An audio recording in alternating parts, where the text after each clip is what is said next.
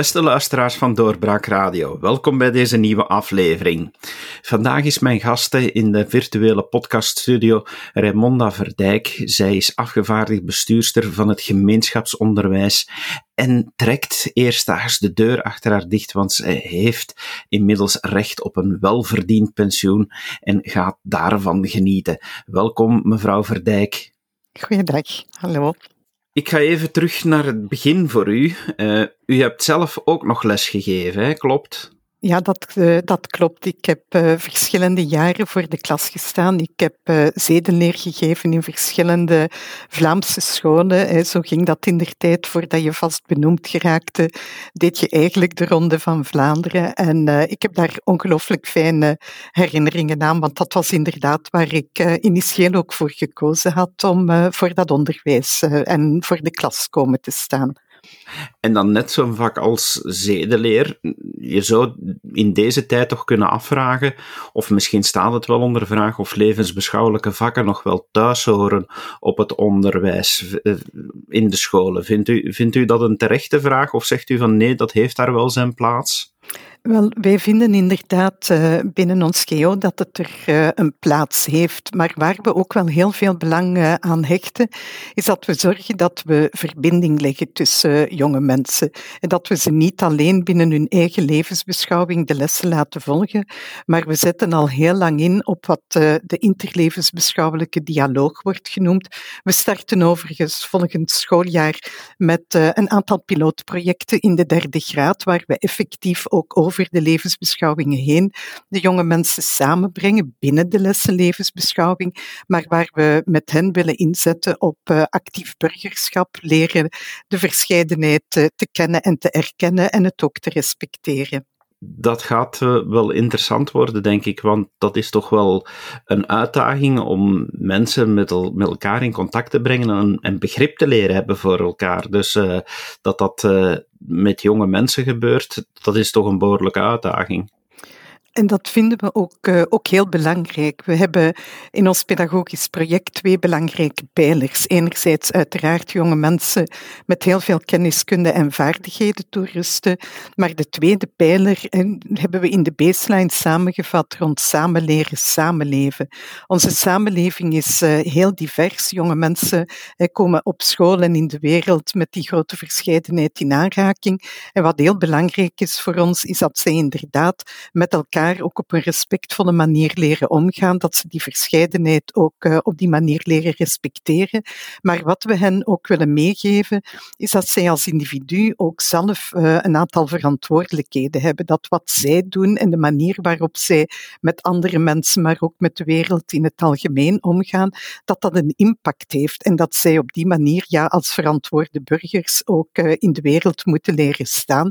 En dat is voor ons ook een heel belangrijk element van ons pedagogisch verhaal. In dat hele verhaal heeft het gemeenschapsonderwijs ook altijd wel duidelijk gekozen om, om een leidende rol te spelen. We zitten met de constante jaarlijkse discussie over de hoofddoek en de neutraliteit. Uh, in het gemeenschapsonderwijs is toch altijd die, die keuze duidelijk gemaakt om, om de hoofddoek eigenlijk geen plaats te geven op school. Uh, is, is dat, ja, hoort dat daar ook in thuis om, om iedereen gelijk te stellen? Het is zo dat uh, het besluit om geen levensbeschouwelijke kentekens meer toe te laten op school er gekomen is omwille van een aantal moeilijke situaties die we in een aantal scholen hadden. En we hebben toen geoordeeld dat door eigenlijk de symboliek van die kentekens weg te nemen, we terug tot de essentie konden komen in uh, onze scholen. Dat is enerzijds dat onderwijs aanbieden, maar anderzijds ook uitgaan van datgene wat jonge mensen verbindt, eerder dan wat hen onderscheidt. En op die manier te zorgen dat druk tussen leerlingen, groepsdruk weggenomen werd en dat we eigenlijk onze scholen terug konden tot een veilige leeromgeving maken waar iedereen zich gerespecteerd voelde, uh, ongeacht wat achtergronden zijn en waar iedereen ook vanuit net datgene wat verbinding is, ook met elkaar in gesprek kon gaan. En dat heeft inderdaad succes gehad in die zin dat de rust in onze scholen absoluut uh, aanwezig is. Maar wat voor ons belangrijk is, is dat wij elke leerling respecteren. Wij bieden ook neutraal onderwijs aan, zoals dat dan heet, waar we niet uitgaan van de preferentialiteit van de een of de andere overtuiging, maar we willen wel dat er wederkerigheid en respect tussen al die overtuigingen aanwezig is, zodanig dat men ja, niet alleen maar tolereert, maar ook actief met elkaar leert uh, samenleven. Het afgelopen jaar is uh, een jaar dat natuurlijk in het onderwijs ook gekend zal staan als een jaar waarin er enorm gediscussieerd werd over de eindtermen. Uh, het gemeenschapsonderwijs gaat daar wel mee akkoord. Wat, wat, wat, is voor jullie de kracht om, om wel met deze uitgebreide eindtermen akkoord te gaan? De eerste reden is dat uh, de eindtermen al heel lang niet meer aangepast waren. Uh, de samenleving is ondertussen ongelooflijk veranderd. De nieuwe technologieën zijn in onze scholen binnengeslopen, maar zijn ook allemaal aanwezig in, uh, in de samenleving. En om onze jonge mensen ook de vaardigheden van die 21ste eeuw mee te geven, was het ontzettend belangrijk om die eindtermen te gaan actualiseren. Dat is ook gebeurd op basis van een hele brede bevraging, waarin leerkrachten, ouders, leerlingen uh, betrokken geweest zijn en waar men dan uiteindelijk ook de sleutelcompetenties die belangrijk geacht werden gedistilleerd heeft en verder gaan uitwerken is. We hebben daar met z'n allen de schouders onder gezet. Naast uh, leerkrachten en ook academici uh, hebben ook wij als onderwijsverstrekker kunnen deelnemen aan de verschillende ontwikkelcommissies en zijn we zo tot de eindterm zoals ze dan ook door de Vlaamse regering en later door het parlement zijn goedgekeurd gekomen. Um, wij vonden dat die inderdaad weergaven wat belangrijk is voor onze jonge mensen om in deze tijden mee te krijgen, om ja, hun, uh, hun plek in die samenleving te vinden. We vonden ook dat ze voldoende uh, haalbaar waren om dat ook binnen de onderwijstijd aan te bieden, zodanig dat jonge mensen echt wel toegerust werden met uh, de nodige vaardigheden. En vandaar dat wij ook gezegd hebben, wij kunnen hier achter staan, wij hebben eraan meegewerkt en we vonden het inderdaad niet heus dat op enkele maanden voordat we terug uh, ja, aan een nieuw schooljaar gingen beginnen, plots gezegd werd vanuit het katholiek onderwijs Vlaanderen dat ze niet akkoord gingen met de eindtermen en dat ze daar rond een procedure zijn opgestart. Voor jullie is het dus geen inbreuk op de pedagogische vrijheid, op het onderwijsproject. Jullie, jullie vinden dat er, dat er genoeg vrijheid blijft om, om de eigenheid van het gemeenschapsonderwijs te bewaren binnen deze eindtermen. Ja, absoluut. Het is zo dat uh, het invullen van het pedagogisch project, dat doen wij via onze leerplannen en via onze didactische cahiers. Dat is de wijze waarop wij de eindtermen die jonge mensen moeten kennen en uh, behalen, uh, gaan vertalen binnen onze scholen, waarin de baseline en het pedagogisch project, zoals we het ook te schrift hebben gesteld, op die manier worden, worden vertaald. Um, dat is nu net ook de manier waarop het hoe, zoals men dat benoemd heeft, waar we alle vrijheid hebben om die vertaling te doen. Het is natuurlijk belangrijk dat leerlingen, dat we daarvan kunnen aantonen dat ze ook die eindtermen aan het eind van de rit hebben behaald. Maar de wijze waarop je daarmee omgaat, dat is uh, perfect mogelijk om daar in het pedagogisch project ook, uh, ook mee te geven. Is er in deze tijd in onze maatschappij nog altijd voldoende ruimte om verschillende onderwijsnetten te hebben? Of moet eigenlijk dat, dat geheel van onderwijskoepels herbekeken worden? Ik heb uh, ooit uh, in, bij het begin van mijn aantreden gezegd dat als we kijken naar de vele uitdagingen die er in onze samenleving zijn, uh, dat het een goede zaak zou zijn dat we met z'n allen proberen dat onderwijs op een goede manier vorm te geven. En dat natuurlijk door veel onderwijsverstrekkers naast elkaar te laten, laten werken, dat ook een versnippering van mensen en middelen betekent. Um, vandaag de dag zeg ik van we moeten zorgen dat we effectief onze krachten bundelen, proberen over de onderwijsverstrekkers heen, die grote uitdagingen die er zijn, zoals het bieden van kansen aan jonge mensen, zorgen dat elk talent ook ontwikkeld kan uh, worden, dat we daar proberen elkaar te vinden en te zien hoe we daar antwoorden op kunnen geven. We leven in een samenleving waar artikel 24 van de grondwet die vrijheid van onderwijs ook concreet uh, meegeeft. Uh, ik denk dat het belangrijker is om in te zetten op de uitdagingen die we hebben, dan dat we daar rond op dit ogenblik de strijd gaan voeren om te gaan bekijken van kunnen we evolueren naar uh, een andere invulling van ja, de onderwijs, uh, het onderwijs in de brede zin. Uitdagingen zijn er inderdaad genoeg voor, het onderwijs. We horen nu al jaren dat de resultaten, en dan denken we aan, aan onderzoeken zoals PISA en zo, dat de resultaten dalen. Waar, waar zit het hem eigenlijk? Daalt effectief de kwaliteit van ons onderwijs? Moeten we ingrijpen?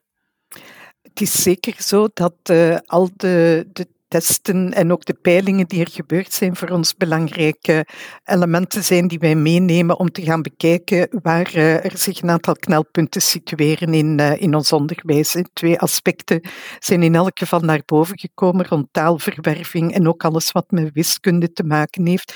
We zijn daar eh, heel snel rond gaan schakelen, maar we zijn ook gestart bij het begin. Dat betekent dat ingrijpen op het ogenblik dat leerlingen al in een secundaire school zitten, uh, dat je daar natuurlijk nog wel een aantal uh, oplossingen kan bieden, maar wij willen vooral inzetten vanaf uh, een zeer jonge leeftijd. Dus dat betekent dat wij ja, vanaf de kleuterklas op die taalverwerving ook op het inzichtelijk werken rond begrippen die met wiskunde te maken hebben, heel sterk de aandacht op, op zetten, omdat we het belangrijk vinden om heel jong te kunnen starten en op die manier eigenlijk een mooie basis te leggen waarop leerlingen dan verder kunnen bouwen en hun schoolsucces ook beter uh, gegarandeerd kan worden.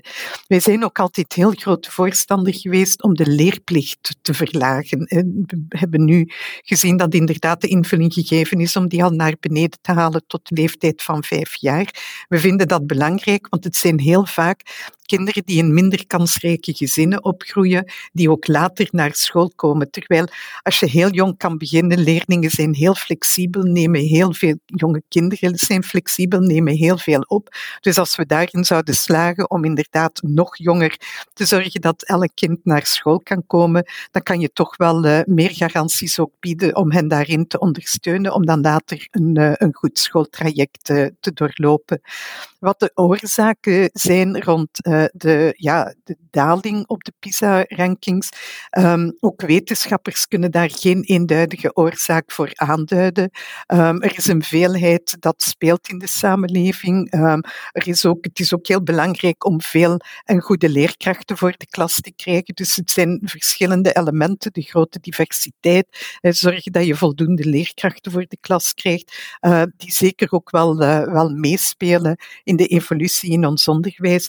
Maar zoals gezegd, we nemen dit ter harte, we nemen dat ook op van uh, zeer jonge leeftijd af. Maar voordat je natuurlijk daarvan ook de effecten ziet, ben je een aantal PISA-testen uh, verder, uh, vooraleer je ook kan zien dat, dat datgene wat je doet ook effect heeft. We zien dan natuurlijk tijdens de schoolloopbaan al wel uh, evolueren, maar in de uh, peilingen en in de testen kan je dat maar na een aantal jaren gaan vaststellen.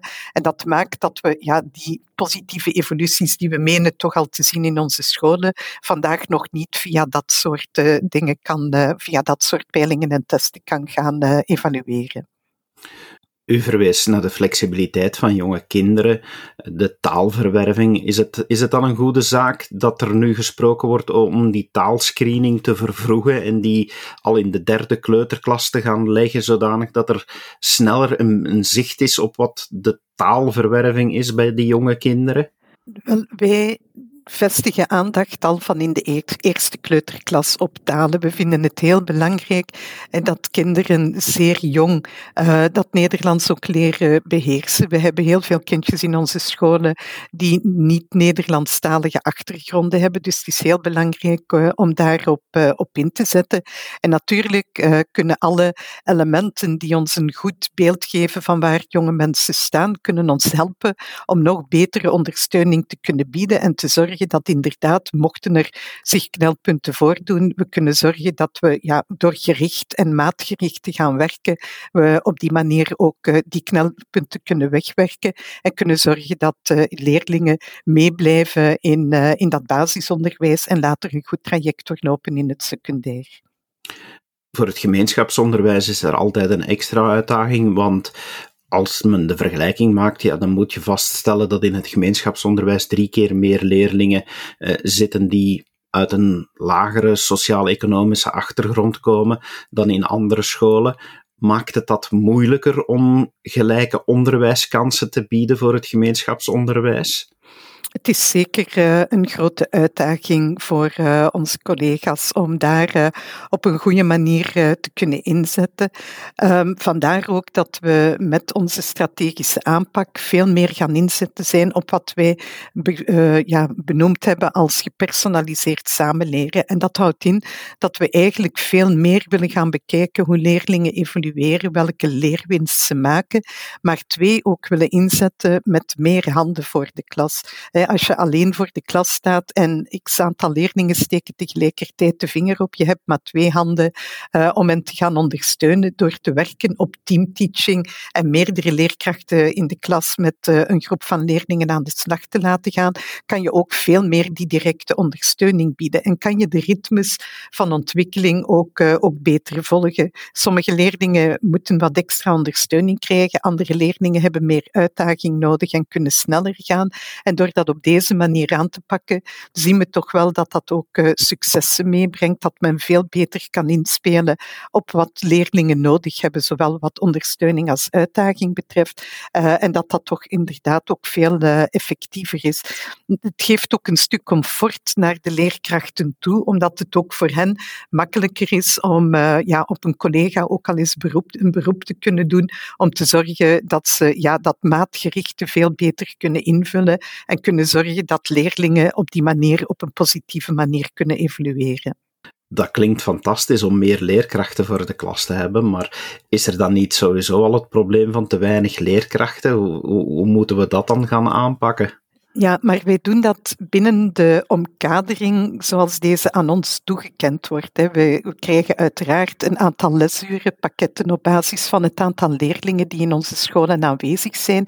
Maar het is gewoon een ingreep geweest om dat schoolorganisatorisch anders uh, aan te pakken. Door te zorgen dat je bijvoorbeeld in een lagere school twee klassen van eenzelfde leerjaar, dat je daar leerkrachten samenbrengt. Zorg dat er uh, instructie gegeven wordt naar, aan leerlingen, maar dat op het ogenblik dat er moet ingeoefend worden, men toch wel meer handen voor de klas heeft. In het secundair onderwijs brengen we clusters van vakken samen, waar bijvoorbeeld leerkrachten wetenschappen samen met leerlingen aan de slag gaan of taalleerkrachten.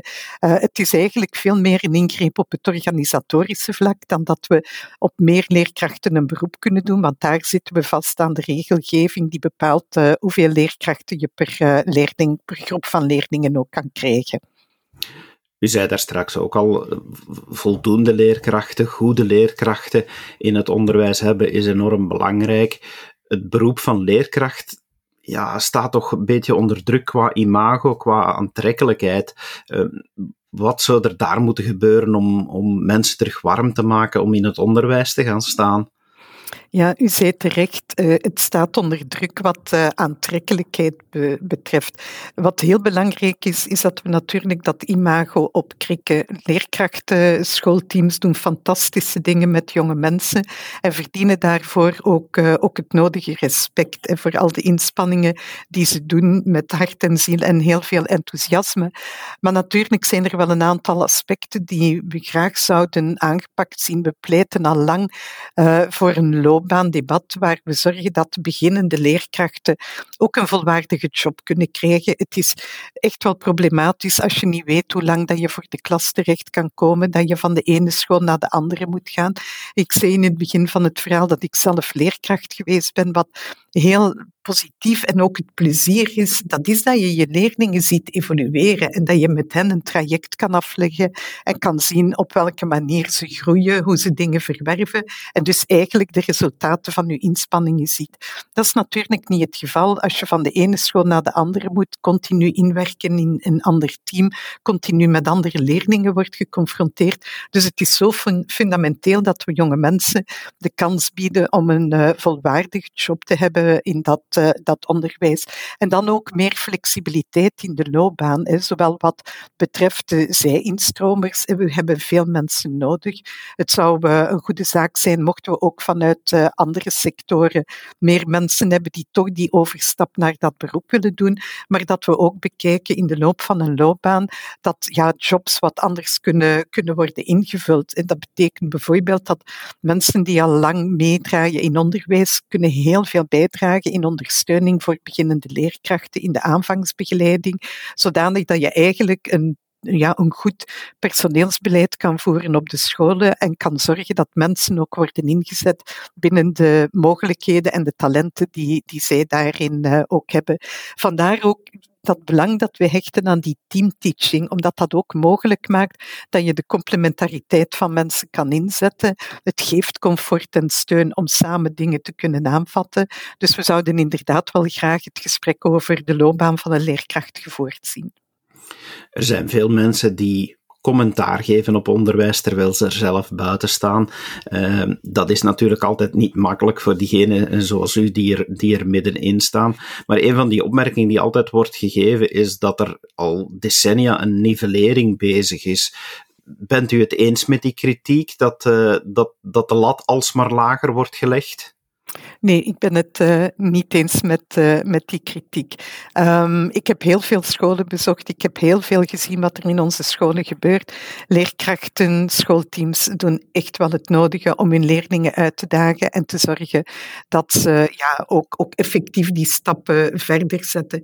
Wij vinden het wel belangrijk dat een school een veilige omgeving is. En dat wordt al te gauw uh, vernoemd als we pamperen onze leerlingen, we mogen ze niet te veel vragen.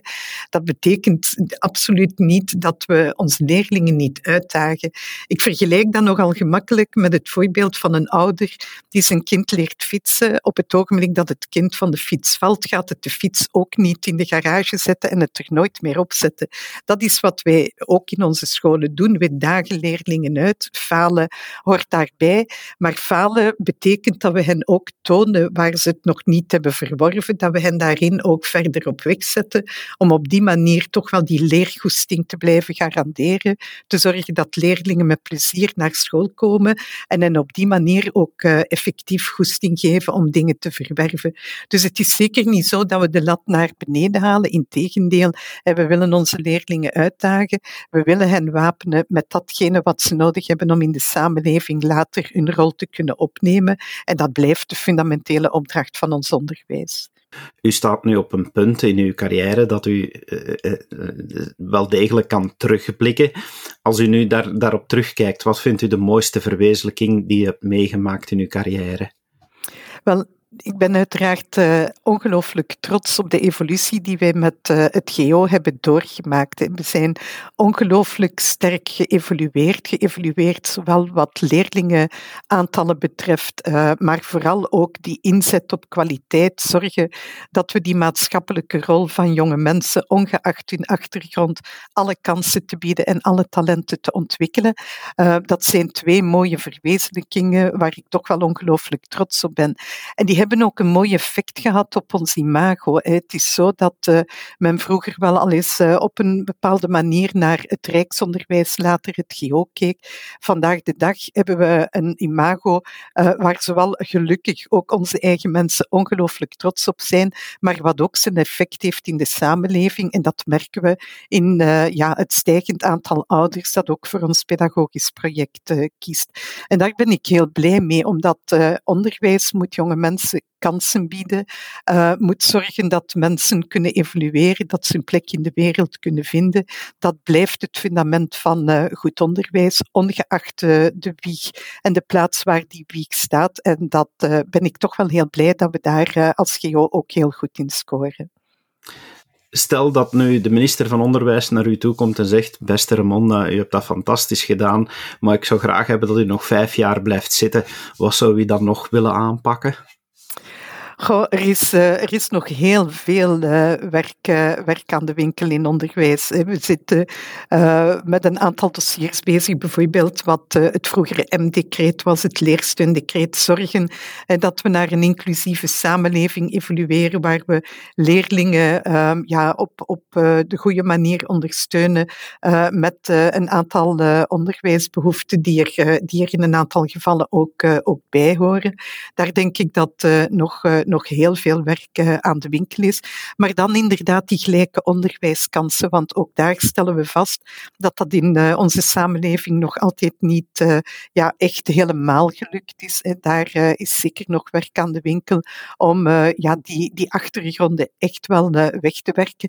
Ik denk dat het ook belangrijk is wat dat betreft om breder dan alleen onderwijs te kijken, want armoedeproblematiek en achtergrondsproblematiek los je niet alleen op in onze scholen. Daar zijn ook bredere maatregelen voor nodig. Dus dat zou ik zeker nog wel graag, uh, graag verwezenlijkt uh, zien.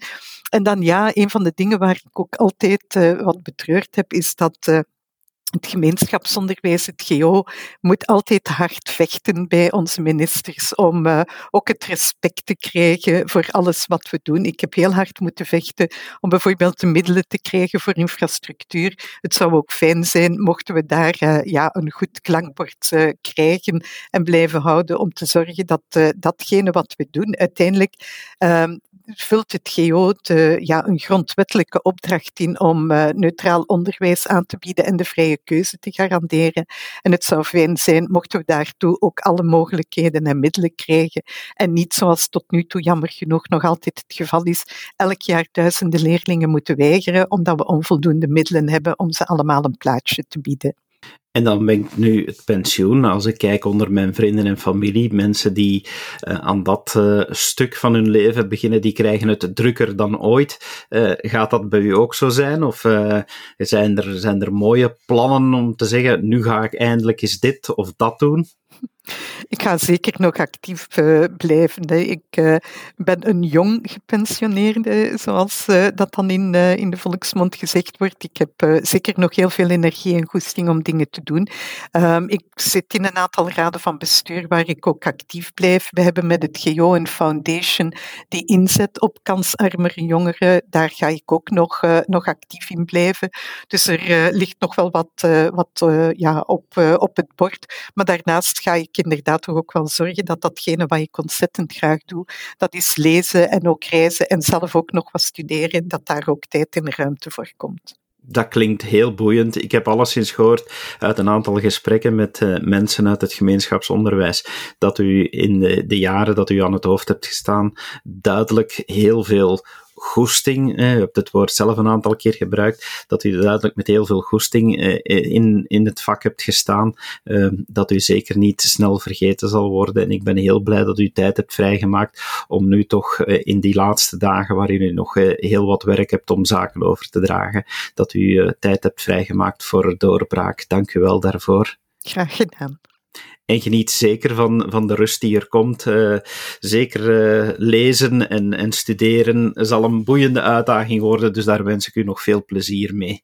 En u, beste luisteraar, dank u, dank u wel dat u geluisterd hebt en heel graag tot de volgende keer. Dag. Dit was een episode van Doorbraak Radio, de podcast van doorbraak.be. Volg onze podcast op doorbraak.be/radio of via Apple Podcasts, Overcast of Spotify. Bezoek ook onze website op doorbraak.be en steun ons door een vriend te worden van Doorbraak.